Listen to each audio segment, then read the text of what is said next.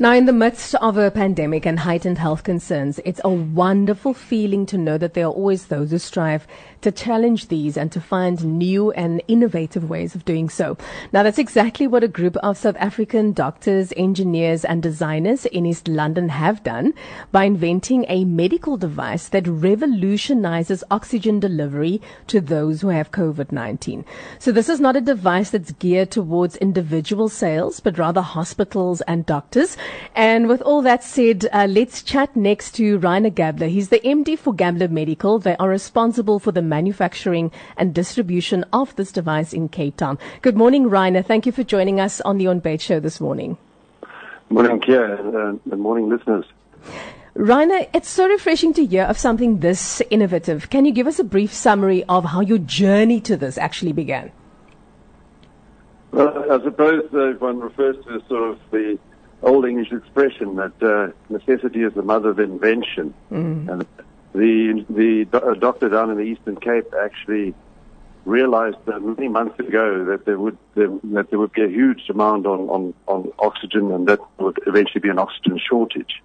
So he's focused on a completely different approach to the treatment uh, of patients, and that is to try and get the benefits of sophisticated equipment in a simple device that doesn't use a lot of oxygen. That's um, that's the core of what's been designed. We we we we've been an established medical manufacturing company for well since the 60s. My father started the business, so mm. so we've been around for a long time, and obviously through mutual con- uh, connections in, in, in the industry. Um, and also sort of teams of people that were getting involved in this, in this COVID crisis.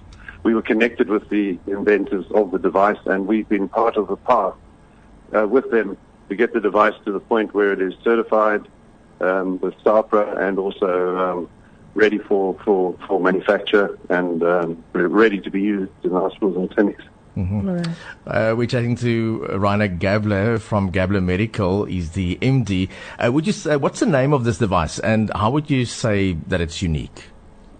The, the, the, the device is called an Oxera device and uh, it, it, it's unique in terms of its, its function. If you combine all the components of the device, uh, most of those components are used in other devices. But what it's done is taken sophisticated aspects of, of equipment that's normally used in the ICU, combined that with simple oxygen therapy, standard oxygen therapy, and it's come up with a system.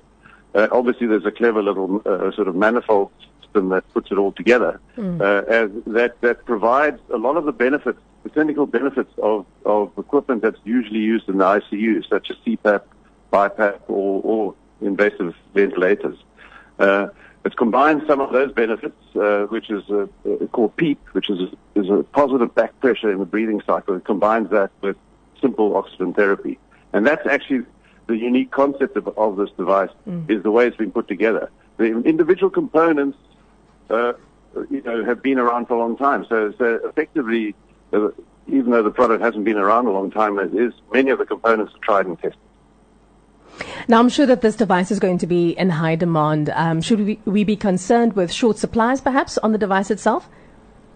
Uh, look, we, we, we, we have geared up to manufacture 15,000 units a week uh, oh. should, it, should the demand increase to that level. So mm-hmm. it's, a, it's, a, it's a device that's uh, got a lot of injection molded components and uh, and some of the components like filters and masks uh, are imported and readily available.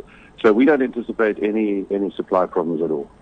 And just uh, finally, if we want to find out more uh, about this, where can we do so? Look, the, the best the best bet is is, is actually to contact uh, contact uh, us on um, on info at gablermedical.com. Um, but I, I, do want to caution. Uh, I know we've experienced this because the, the, the device has had some attention in the in the media, mm. uh, and there are a lot of desperate people who've got family members that are sick and that are that are struggling to get medical attention.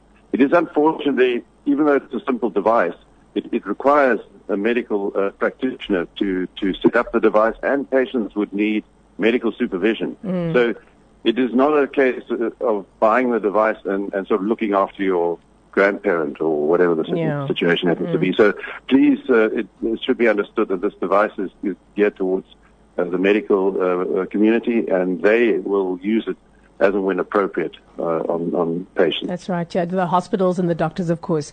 Um. Rainer, thank you so much for joining us, us this morning and thank you for sharing all this information.